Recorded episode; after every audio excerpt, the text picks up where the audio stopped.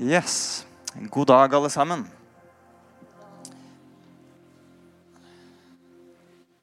Håper det står bra til med deg.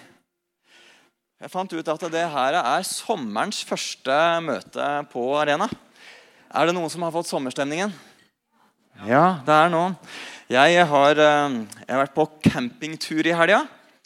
Forrige helg så var jeg på Villemark, Villmarkscamping oppe ved Fjellvannet. Og i helga har jeg vært på campingtur i hagen. For det er sånn Når man skal forberede tale, så trenger man liksom å få litt ro rundt seg. Når huset er fullt av folk. Så det er som trukket meg inn på campingvogna for meg sjøl å sitte der. Så jeg får heller tenke at man er på campingtur, da. Så, så blir det bra. Yes. Um, et spørsmål til. Uh, er det noen her som ønsker at Gud skal støtte og backe deg i livet du lever? Det er det. Veldig bra. Det var noen som ikke hadde så veldig behov for det. Det, det, kan, det kan, så være. Eh, jeg vil at Gud skal støtte og backe meg i livet jeg lever. Jeg ønsker at hans favør skal være over livet mitt. Og jeg håper jeg kan gi deg noen viktige tips i dag, eller et viktig tips til hvordan det, det skjer. Eh, og jeg skal tale om noe som Jeg vet ikke om jeg har hørt noen taler om det før. faktisk. Det er kanskje blitt eh, sikkert nevnt. men jeg har ikke gjort det så veldig lett for meg sjøl i dag. Eh, men jeg skal faktisk eh, tale om ydmykhet. Det skal jeg gjøre. Eh, og det er ikke sikkert det blir sånn fyrverkeri. Men jeg tror det er noe veldig viktig som vi må, må få taket på. da. Peter, Apostelen Peter han har skrevet et vers som på en måte danner liksom bakgrunnen for det som jeg skal si. Og Nå er kanskje ikke Peter eh, den som vi forbinder mest med ydmykhet. Kanskje tvert imot. Men han, eh, jeg tror kanskje han blei ydmykhet, eller ydmyk med, med tida. Eh, for det han skriver, kan som tyde på det. da. Ja, så han, i, I første Peters brev så, så, skriver han liksom noen formaninger til, til kristne der. Og, og skriver som, hvordan det er viktig å leve. Og så sier han alle dere skal være kledd i ydmykhet mot hverandre. Og så sier han noe spesielt. For Gud står de stolte imot, men de ydmyke gir han nåde. Så Vi ønsker jo at Gud skal være med oss, han skal støtte oss, han skal backe oss, hans favør skal være over oss. Men så står det faktisk her at eh, Gud motarbeider den stolte. Så det er, litt, sånn, oh, det er en kalddusj, da. Eh, men de ydmyke gir han nåde. For sikkerhets skyld så jeg har tatt på meg T-skjorta mi i dag med 'Be humble'. for å være på den sikre sida. Eh, men jeg ønsker å fortelle i dag, eller forklare litt sånn hvordan det her med ydmykhet ser ut. Og, jeg skal, Tre ting jeg vil si. Altså, Jesus er vårt forbilde i det å være ydmyk. Og så har jeg lyst til å snakke om ydmykhet i møte med Gud eh, og Guds ord. Og ydmykhet i møte med hverandre. Da tror jeg jeg tar en, en bønn først. I all ydmykhet. Gode far, jeg takker deg fordi at uh, du er her. Og takk for at du er så god, og du elsker oss, og du ønsker å hjelpe oss og veilede oss. Og nå ber jeg meg at du skal åpne hjertene våre, sånn at vi er i stand til å ta imot det som du ønsker å si. Og så ber jeg om din hjelp til å formidle det her med, med respekt og med hjertevarme og ydmykhet i Jesu navn. Og hele kirka sa Å, det var godt å høre. Ok. Jesus han er jo forbildet vårt i eh, det å være ydmyk.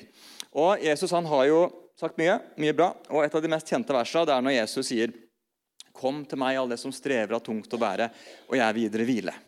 Det er jo et sånn favorittvers for mange. Men så fortsetter han med noe litt interessant. Det tror jeg kommer opp på skjermen her. Matteus 11. Ta mitt åk på dere, og lær av meg, for jeg er mild og ydmyk av hjerte. Så skal dere finne hvile for deres sjel. Jesus han eh, ber oss om å ta hans åk på oss. Og Vi kan få opp et bilde her. Her ser du altså, Åk det er jo noe man setter på en eh, okse, gjerne når den skal pløye. Eh, og og Så sier Jesus at vi skal ta hans åk på oss. Eh, og det er jo et bilde på disippelskap, tenker jeg. Fordi at eh, Det handler jo om da, å gå sammen med han og lære han. Men så er det rart hva han sier først eh, 'Kom til meg, altså strever av tunge byrder, så vil jeg hvile'. Og så sier han 'ta mitt åk på deg'.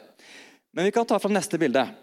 Fordi at Etter hva jeg er blitt fortalt, i hvert fall, da, så er det sånn at når en ung okse skulle lære seg å gå med åk, så måtte den gå sammen med en større eh, og mer erfaren okse.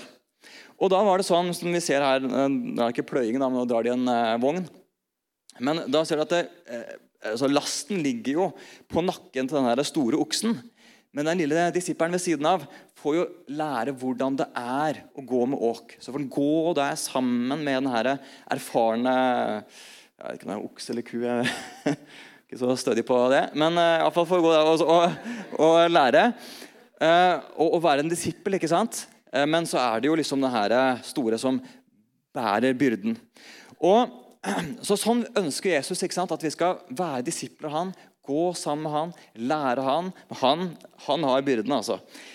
Men så sier han videre at 'jeg er mild og ydmyk av hjerte'. Så det er liksom en del av det denne disippelprosessen. da. Lære å bli som Jesus. Og eh, Det her adjektivet 'ydmyk' det, eh, På gresk så er det tapa einos, som betyr da ydmyk eller lavtliggende. Det er litt rart, men ydmykhet det handler om å frivillig ta en lavere posisjon. Og ikke kjempe for sin egen sak eller for å framheve seg sjøl, men å sette andre foran seg sjøl. En bibelkommentar eh, forklarer ordet ydmykhet. Eh, Altså substantivet heter praotes, eh, som betyr ydmykhet eller saktmodighet. Eh, og Der står det at det antyder mildhet og vennlighet, særlig hos slike som har i sin makt å være hard og streng. Det forener styrke og mildhet. Styrke som aldri er ubehersket, og mildhet som ikke er veik. Mild styrke og sterk mildhet. En dyd som ikke er av egen prestasjon, men som et resultat av relasjonen med Jesus. Så skal du være en disippel av Jesus, skal du ligne Jesus, så trenger du å være ydmyk. Men hvordan ser denne ydmykheten ut i livet til Jesus? Det, det viser eh, bl.a. Paulus oss. Eh, for Han skriver um, om det her med at vi skal være ydmyke, og så bruker han Jesus som eksempel. Da kan vi se Filipperne 2. Så sier Paulus ha samme sinnelag og samme kjærlighet. Vær ett i sjel og sinn. Gjør ikke noe av selvhevdelse og tom ærgjerrighet, men vær ydmyke og sett de andre høyere enn dere selv. Tenk ikke bare på deres eget beste, men også de andres. La samme sinnelag være i dere som var i Jesus, eller også var i Jesus Kristus. Og så kommer han med noe som kalles en sånn Kristushymne. Og det er på en måte en sånn, liksom poesi da, som, eh, som, er på en måte nesten som en lovsang til Jesus. Og Så forklarer han det her. da. Eh, han var i Guds skikkelse og så det ikke som et rov å være Gud lik, men ga avkall på sitt eget, tok på seg en tjenerskikkelse og ble menneskelik. Da han sto fram som et menneske, fornedret han seg selv og ble lydig til døden, ja, døden på korset. Da Jesus kom til jorda, så var jo det Gud som ble menneske. Altså Gud eh, kom fysisk ned til oss mennesker. Og det Jesus fortjente, det var jo respekt. Han fortjente tilbedelse. Men det han fikk, det var jo ofte det motsatte. Men det som vi ser med Jesus, han kjempa ikke for sin egen sak. Han kjempa ikke for å fremme sine egne rettigheter. Eh, I stedet for tok han på seg rollen og ble en tjener for oss. Og Vi ser det eh, mange måter, på mange måter i Jesu liv, hvordan han framstår ydmyk. da. Eh, for ser vi det da han rei inn i Jerusalem. Kan vi lese med Matteus 21. Der står det eh, Dette skjedde for at det ordet som skulle oppfylles, som er talt gjennom prof... Dette skjedde for at det ordet skulle oppfylles, som er tot... vanskelig som er talt gjennom profeten. Si til din datter Sion, se, din konge, konge kommer til deg. Ydmyk er han og rir på et esel og på trekkdyrets fole. Eh, ja. Jeg har uh, aldri ridd på et esel, men jeg har sittet på et esel. Jeg har et bilde av det òg. Uh, her er jeg i eh, Etiopia, og Nei, nå forsvant eh, bildet. Da kommer det sikkert snart.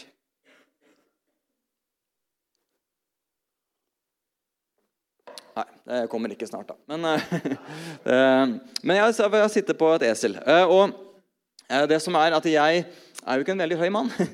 Men når jeg satt på eselet, så subba nesten eh, føttene mine bakken. Eh, jeg følte meg ikke så veldig eh, kul, da. Eh, og så er det sånn at eh, Jesus eh, når han da skulle liksom, Her ser du eh, bildet, da. Eh, da Jesus skulle ri inn Jerusalem som en konge ikke sant? 'Din konge kommer til deg', sto det i bibelverset. Så ser det ikke så veldig flott ut da, når Jesus kommer ridende på et, en eselfole. Og Nå var ikke hester så veldig eh, vanlig hos jødene, men jeg tenker en kamel det hadde vært eh, passende for Jesus å komme liksom, på en høy kamel og liksom bli tatt imot som en konge. Men Jesus han kom ikke for å imponere. Han kom for å tjene. Og Derfor rei han ydmykt inn på et esel. Og bare liksom en liten sånn parentes, da, som er bare en refleksjon jeg har gjort.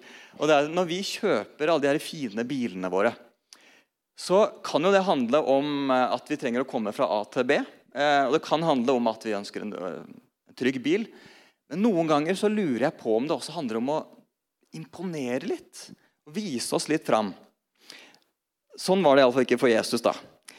Eh, men vi ser også flere, flere ganger i Jesu liv så kommer det ydmykheten fram. og Vi ser det eh, når han like før han skal bli korsfesta, så er han jo til rekke avhør da, foran eh, øverstepresten og foran Herodes, foran Pilatus. Og Vi skal lese hva det står i Markus 15. Overprestene kom nå med mange anklager mot ham. Og Pilatus spurte ham igjen, 'Svarer du ingenting? Du hører alt det de anklager deg for.' Men Jesus svarte ikke et ord, og Pilatus undret seg. Da eh, kan vi spørre var Jesus konfliktsky. Eh, liksom de bare maler på for at eh, Du har sikkert opplevd at noen kom med falske anklager mot deg. For Det var jo sånn at eh, det kom mange med falske anklager mot Jesus og sa ting som ikke var sant. De hadde planlagt seg imellom, og målet var å få han dømt. Og jeg vet ikke om Du har fått liksom, falske anklager mot deg. Folk sier at du har gjort ting du ikke har gjort, eller at du, eh, du har sagt ting du ikke har sagt. Eller at de har tillagt deg dårlige intensjoner ikke sant? Og så, som ikke stemmer overens med det som du tenker. Og Det er jo veldig ubehagelig å bli liksom, konfrontert med ting som ikke er sant. Så står Jesus der og bare tar imot, tar imot, sier ingenting. Og så kan vi spørre, Var Jesus konfliktsky? Nei, det var han ikke. For vi kan se det at Jesus han var ikke redd for å gå i konflikt. Når han møtte fariseerne for eksempel, eller skriftlærde, så kom han ofte i konflikt. Og han sa ting helt uten filter. Og liksom eh, Ja. Og det ble, ble som store greier ut av det. Og vi ser eh, på Tempelplassen, f.eks. Kom Jesus, og der hadde de gjort eh, tempelområdet til en eh, markedsplass. Eller en røverhule, som Jesus kalte det. Og da står det at Han velta bordene, han jaga folk ut, liksom, for der skulle ikke de være og drive og kjøpe og selge. Så Jesus han var jo ikke redd for det går i konflikt. Men det Jesus gjorde, det var at når han viste engasjement, eh, eller iver og engasjement, så var det på Guds og andres vegne. Det var for å kjempe deres sak eller andres sak, ikke sin egen sak. Og Jesus han er jo da vårt forbilde i det å være ydmyk. Så Det var liksom punkt nummer én. Altså det vi snakke om, om videre, er hvordan kan vi være ydmyke i møte med Gud, og hvordan kan vi være ydmyke i møte med hverandre. Eh, først ydmykhet i møte med Gud. Det er å innse at Gud er Gud. Og, og det er ikke du. Det er ikke du som er Gud. Han fortjener ære, han fortjener underordning, han fortjener lydighet. Sånn er det bare. Eh, og ydmykhet i møte med Gud handler også om å innse at det, egentlig så fortjener vi ingenting fra han. Men vi kan få alt av Han og nåde. Jesus han fortalte en lignelse om eh, to menn som gikk til tempelet for å be. Og Den ene kom med hodet heva, blir fornøyd, eh, gleda seg til å tilbe Gud. Og den andre kom eh, krumbøyd og, og skamma seg. Jeg skal lese Lukas 18. Jesus talte til noen som var sikre på at de selv levde rett. Derfor så de ned på alle andre. Han brukte en eh, sammenligning og sa to menn gikk opp til tempelet for å be. Den ene var ekspert på loven, den andre var en toller som krevde inn skatt. Eksperten på loven stilte seg opp. Han sto for seg selv og ba slik.: Kjære Gud, andre mennesker er grådige. De lever galt, og de bryter ekteskapet. Takk for at jeg ikke er slik som dem. Og takk for at jeg ikke er som den tolleren der. Jeg faster to ganger i uken, og jeg gir 10 av alt jeg tjener, til tempelet. Tolleren sto langt bak. Han ville ikke løfte blikket mot himmelen. Han slo hendene mot brystet og sa, 'Kjære Gud, tilgi meg, for jeg har gjort imot din vilje.' Og Jesus fortsatte, 'Jeg sier dere, tolleren hadde fått tilgivelse da han gikk hjem.' Det hadde ikke eksperten på loven. For Gud vil ydmyke den som setter seg selv høyt, men han vil løfte opp den som ydmyker seg selv. Jeg var 21 år gammel eh, og studerte teologi på Ansgarskolen.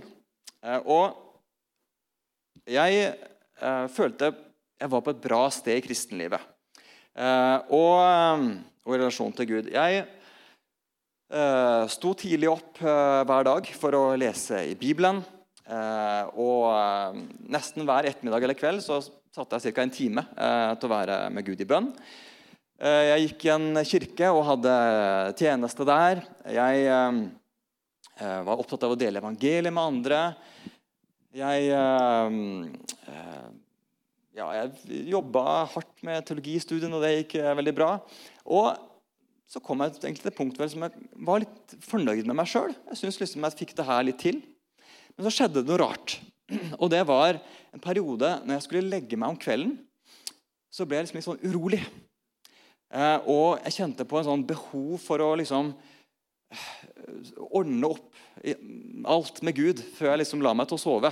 Eh, gå gjennom, Er det noe jeg må be om tilgivelse for? Liksom? For jeg tenkte liksom, Hva om dette er som siste gangen jeg legger meg til å sove, og så våkner jeg ikke opp? Så vil jeg liksom ha alt i orden med Gud. Og så Etter en, etter en tid så begynte jeg liksom å bli litt sånn hm, Det er jo ikke bra, det her. Hvorfor skal jeg liksom ha den uroen når jeg legger meg? Tenke at liksom kanskje den siste natta.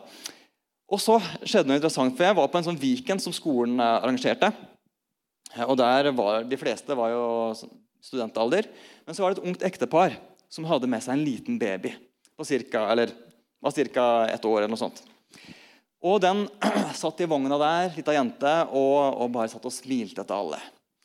Og den, den jenta ble liksom nesten et sånn midtpunkt på den weekenden. og liksom det var ingen som fikk så mye oppmerksomhet som den. og Alle ville liksom bort og liksom klappe litt på og snakke litt eh, med henne. Hun satt der og smilte. Og, og, eh, og fikk liksom så mye kjærlighet fra alle. Og så begynte Gud også å snakke til meg og vise meg at det, den lille jenta hadde ikke gjort noen ting for å fortjene all den oppmerksomheten hun fikk av alle der. Hun hadde ikke bidratt på noen som helst måte. Hun bare, hun bare var et barn bare var seg sjøl, helt ufortjent, så fikk hun all den gode oppmerksomheten fra oss på Viken. Og så viste han meg at eh, det nytter ikke å komme til Gud og tenke at jeg har gjort meg fortjent til hans godhet. Eller gjort meg fortjent til hans kjærlighet. Men det jeg kan gjøre, er å være som det lille barnet og bare ta imot hans kjærlighet, hans godhet, helt ufortjent. Og når den polletten falt ned, så hadde jeg fred når jeg skulle legge meg og sove. Så var den uroen borte. Gud vil ydmyke den som setter seg selv høyt, men han vil løfte opp den som ydmyker seg selv. En person i Bibelen som eh, hadde god grunn til å være stolt, det var kong David. Eh, han, Som en liten gutt så bekjempa han eh, kjempen Goliat. Jentene begynte å dikte sanger om David og hvor flott han var.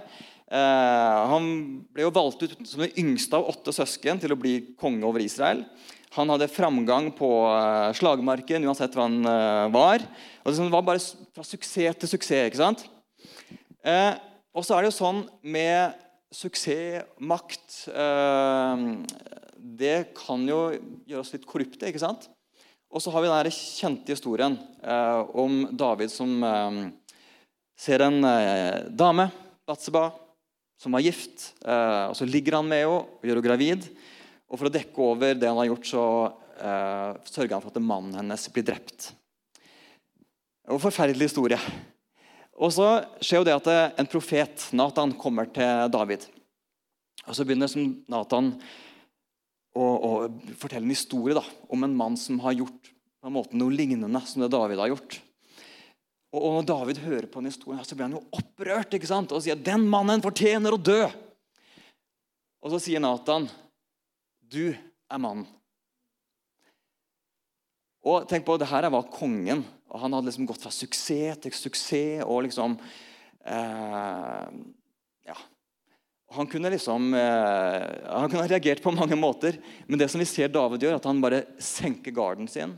og Så viser han korta sine, og så, og så går han i seg sjøl og sier han, 'Jeg har syndet mot Herren'.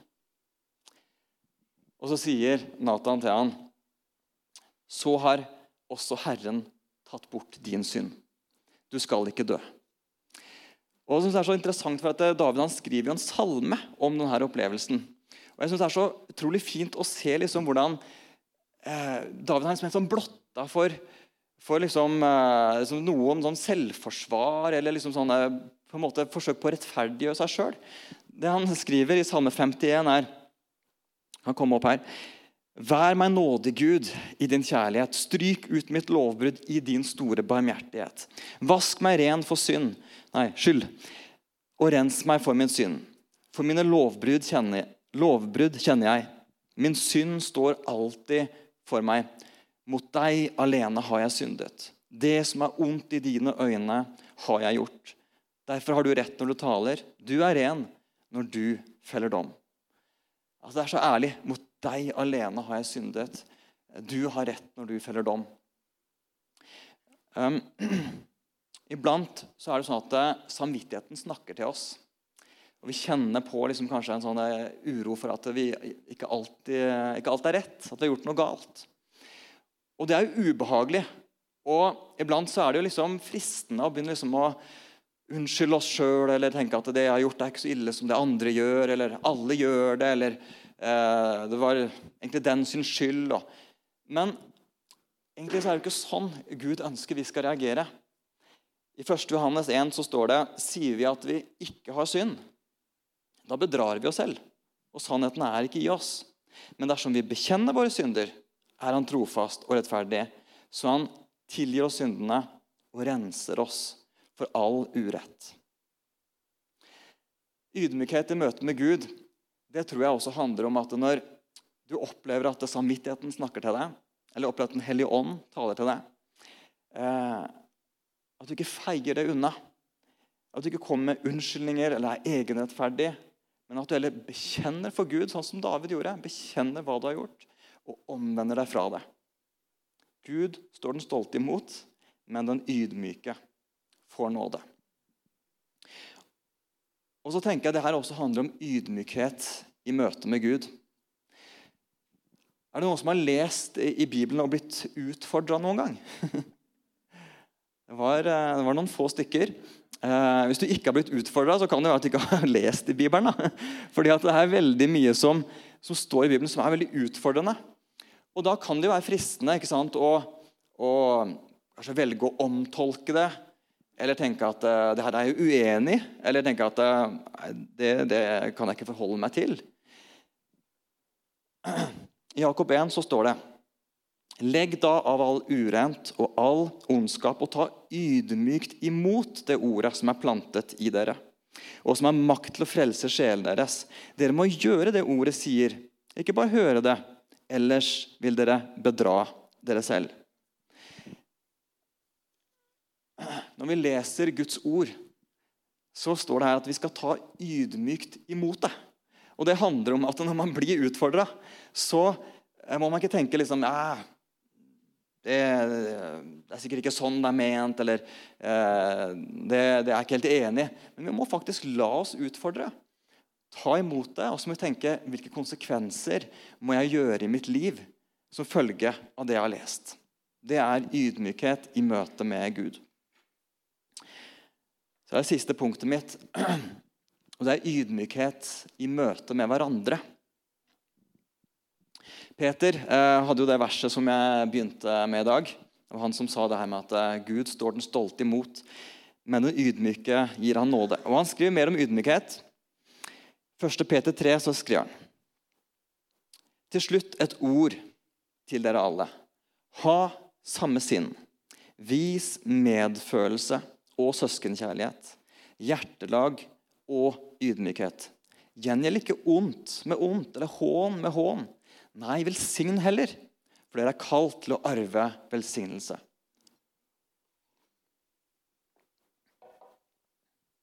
Han snakker om å vise hjertelag, vise medfølelse, vise ydmykhet.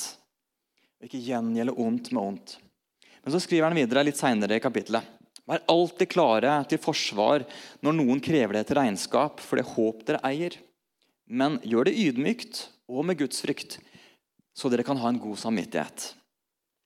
Da vil de som baktaler dere for, at, for deres gode livsførsel i Kristus, bli gjort til skamme med sine beskyldninger. Det er bedre å lide, om Gud så vil, når en gjør det gode, enn når en gjør det onde. Litt spesielt det han sier her. For jeg tenker Det er naturlig å tenke at hvis man har gjort noe dumt, så, og man må måtte lide for det, ta konsekvensen av det, så er jo det på en måte fortjent. Men så snur eh, Peter på det og sier nei, nei, det er mye bedre å lide når man har gjort noe godt. Eh, og vi, vi, lever jo i et samfunn sant, hvor eh, vi har flest mulig rettigheter og minst mulig forpliktelser. Eh, vi vil ha rett til ferie, rett til sykepenger. Vi har rett til å klage på eksamenskarakteren. Vi har rett til å eh, angre eller bytte eller returnere et kjøp som vi angrer på. Sånn er det. Vi ønsker rettigheter. Men i Guds rike så handler det egentlig ikke om våre rettigheter. Det vil si at vi har jo rettigheter, fantastiske rettigheter i møte med Gud. Vi har rett til å kalles Guds barn. Vi har rett til å komme inn i Guds nærvær. Men når det gjelder forholdet til andre mennesker, så handler det ikke egentlig først og fremst om hvilke rettigheter jeg har, men hvordan kan vi tjene hverandre. Og eh, Paulus han har noen, et veldig interessant avsnitt i, i første Korinterbrev. Og Det er også noe som jeg ikke har hørt folk eh, snakke om eh, før. Eh, men det står i Bibelen, og det, og det er liksom det er litt utfordrende, men egentlig veldig forfriskende òg. For Han løfter opp et interessant perspektiv. Det kan være du blir sånn provosert over Paulus nå. men, eh, men, vi skal se på det. For, og Det han sier først, da, det er litt rart. Da, fordi at det, eh, I, i Korintermenigheten så var det noen eh, eh, kristne der som hadde gått til sak, rettssak mot hverandre. da. Eh, og Så blir Paulus veldig lei seg når han hører om det. Og så skriver han at og Det som han på en måte er litt leit oppi hele, da, det er jo at de tar rettssaken for eh, dommere som ikke er kristne. Og så sier han noe litt rart. for han sier dere, Det er vanskelig å få huet rundt det, men han sier dere skal jo faktisk dømme verden. Dere skal jo dømme engler. Og så kan dere ikke engang dømme mellom hverandre.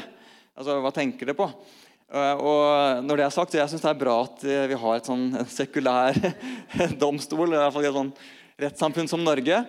men det sier han iallfall. Men så kommer det poenget som jeg syns er litt forfriskende. da. 1. Korinter 6, og så skriver han Bror fører sak mot bror, og det for dommere som ikke er troende. At dere har rettssaker mot hverandre, er i seg selv et nederlag for dere. Hvorfor lider de ikke heller urett? Hvorfor ikke heller lide tap? Jeg syns det er et veldig interessant perspektiv. Hvorfor ikke heller lide tap? Og nå er det ikke sånn at du skal la deg bli tråkka på. Og det er ikke sånn at du ikke skal liksom kunne si imot. Men det finnes et annet perspektiv. Og det handler om å frivillig avstå fra å kreve sin rett for å heller søke fred. Heller lide tap. Og, og jeg, jeg tenker på liksom, Hvor mange konflikter kunne vi ikke vært spart for? Altså både i kirka, eller kanskje i familien eller på arbeidsplassen. Hvis man i stedet for liksom det kjempe for sin rett det, det liksom, 'Jeg har rett', eller 'Dette fortjener jeg', eller 'Dette er ikke greit'. Så Hvis vi bare noen ganger tar et annet perspektiv og sier vet du hva, Jeg velger heller å lide tap. Jeg ønsker å søke fred. Jeg ønsker forsoning. Og så lurer jeg på om kanskje vi vinner mer ved å heller lide tap i det lange løp.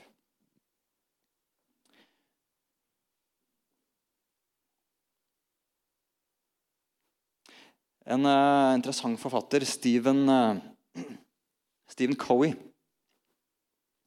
han har skrevet en bok som heter uh, 'Seven Habits of Highly Effective People'. fantastisk bok. Men han skriver det er, det Hvis du skal leve det livet du ønsker, da, leve et meningsfylt liv, oppnå det du vil, så er det faktisk syv vaner som du trenger å mestre. Eh, og, og, Noen av de vanene handler om hvordan man er i mellommenneskelige relasjoner. Eh, og det ene, eh, En av de vanene det er 'seek first to understand, then to be understood'. Altså på norsk søk først å forstå, deretter å bli forstått. Og Det er et punkt som utfordrer meg. da. Fordi at Hvis man er liksom i en diskusjon eller man har en uenighet, så det man virkelig ønsker, er å Du må jo forstå Mitt perspektiv er skjønner du ikke hva jeg har tenkt? Forstår du ikke liksom eh, Klarer du ikke å forstå hva jeg mener? Forstår du ikke hvorfor jeg gjorde som jeg gjorde? Forstår du ikke hvorfor jeg sa det jeg sa? Så sier Stephen Covey nei, nei. Først må du sørge for at du har forstått den andres perspektiv. Hva var, det, hva, hva, hva var, grunnen til at den sa det den sa? Hvorfor gjorde den som den gjorde? Når du har forstått den andres perspektiv, ja, ja, da skal du også få vise ditt perspektiv. Men søk først å forstå. Og jeg tenker Hvis vi klarer å ha den vanen i våre liv i møte med andre, i konflikter, og heller søke å forstå den andre For den er jo ikke helt dum, den andre heller. Den har også grunn til å reagere som den gjør. Eh, jeg tror det handler om ydmykhet. da. Jeg tror det kan spare oss for mye trøbbel. Å søke først å forstå hverandre. Ydmykhet det handler også om lærevillighet. Og jeg skal lese Galaterne 6. Der står det Mine søsken, hvis en av dere blir grepet i et feiltrinn, må dere som har ånden, hjelpe ham til rette.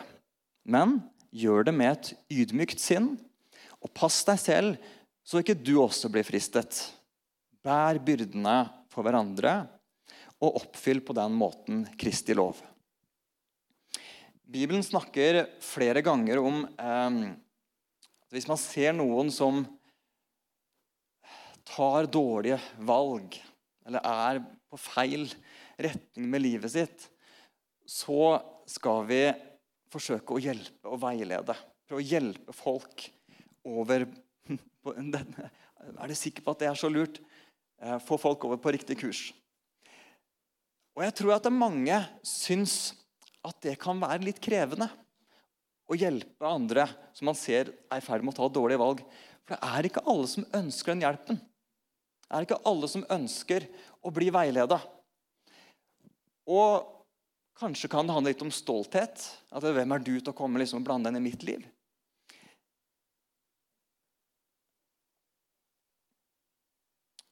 Jeg vet ikke hvordan du reagerer når eh, folk kanskje kommer med liksom en innvending eller kommer med en korreks eller er uenig i noe du gjør. Reagerer du med å gå i selvforsvar? Reagerer du med et motangrep? Eh, en eh, fyr, John Gottman, han er verdens, er verdens fremste samlivsforsker.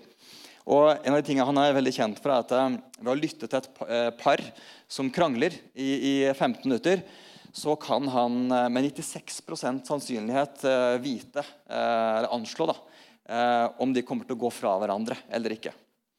Og noe av det han lytter til eller legger merke til, det er om en diskusjon da, om man går i selvforsvar. Og Gjør man det, så er det liksom en av indikatorene på at det liksom, dette her går i, går i, feil retning. Um, hvis man ikke tar tilbakemelding, ikke tar ansvar for egne feil, men unnskylder seg og heller går til motangrep. Ydmykhet jeg tror det handler om lærevillighet. Å innse at det, kanskje er det områder i mitt liv hvor jeg trenger å vokse. Kanskje er det, er det endringer jeg trenger å gjøre i mitt liv. Så når noen, hvis du opplever at noen ønsker å veilede deg Og kanskje, kanskje Kanskje på en måte som kanskje ikke er grei. da.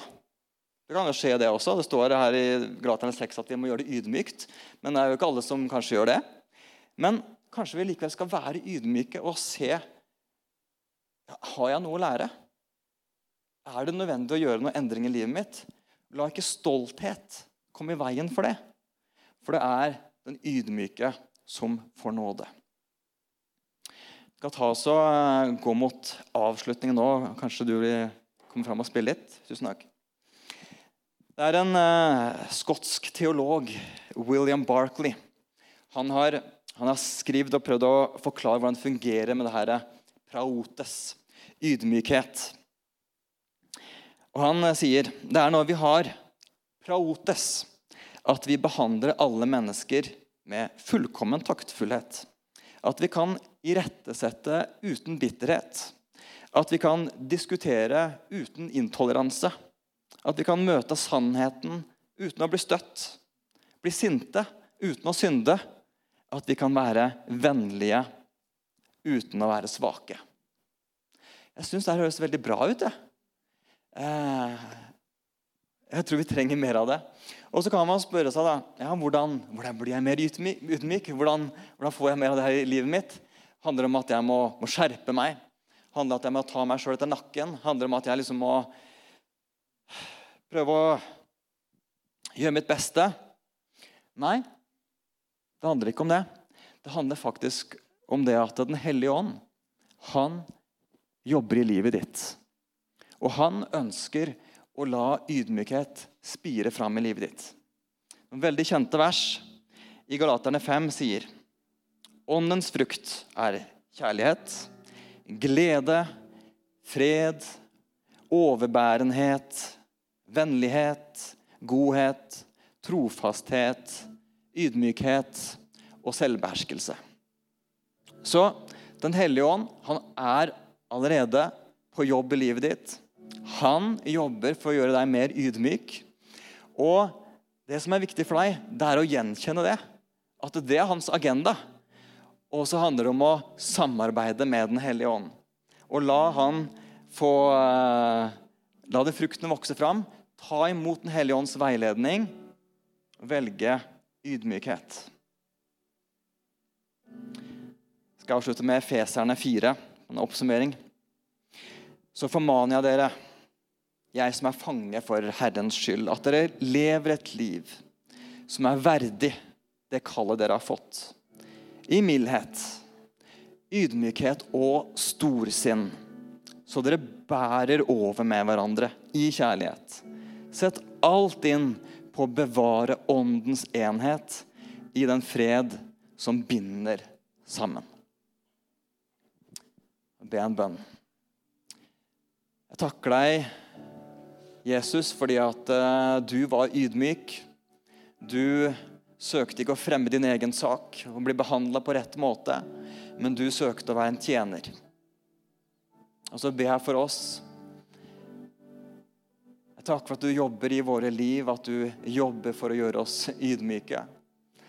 Og jeg ber om at vi skal ha ydmykhet i møte med, med deg, i møte med ditt ord og i møte med hverandre, Jesus.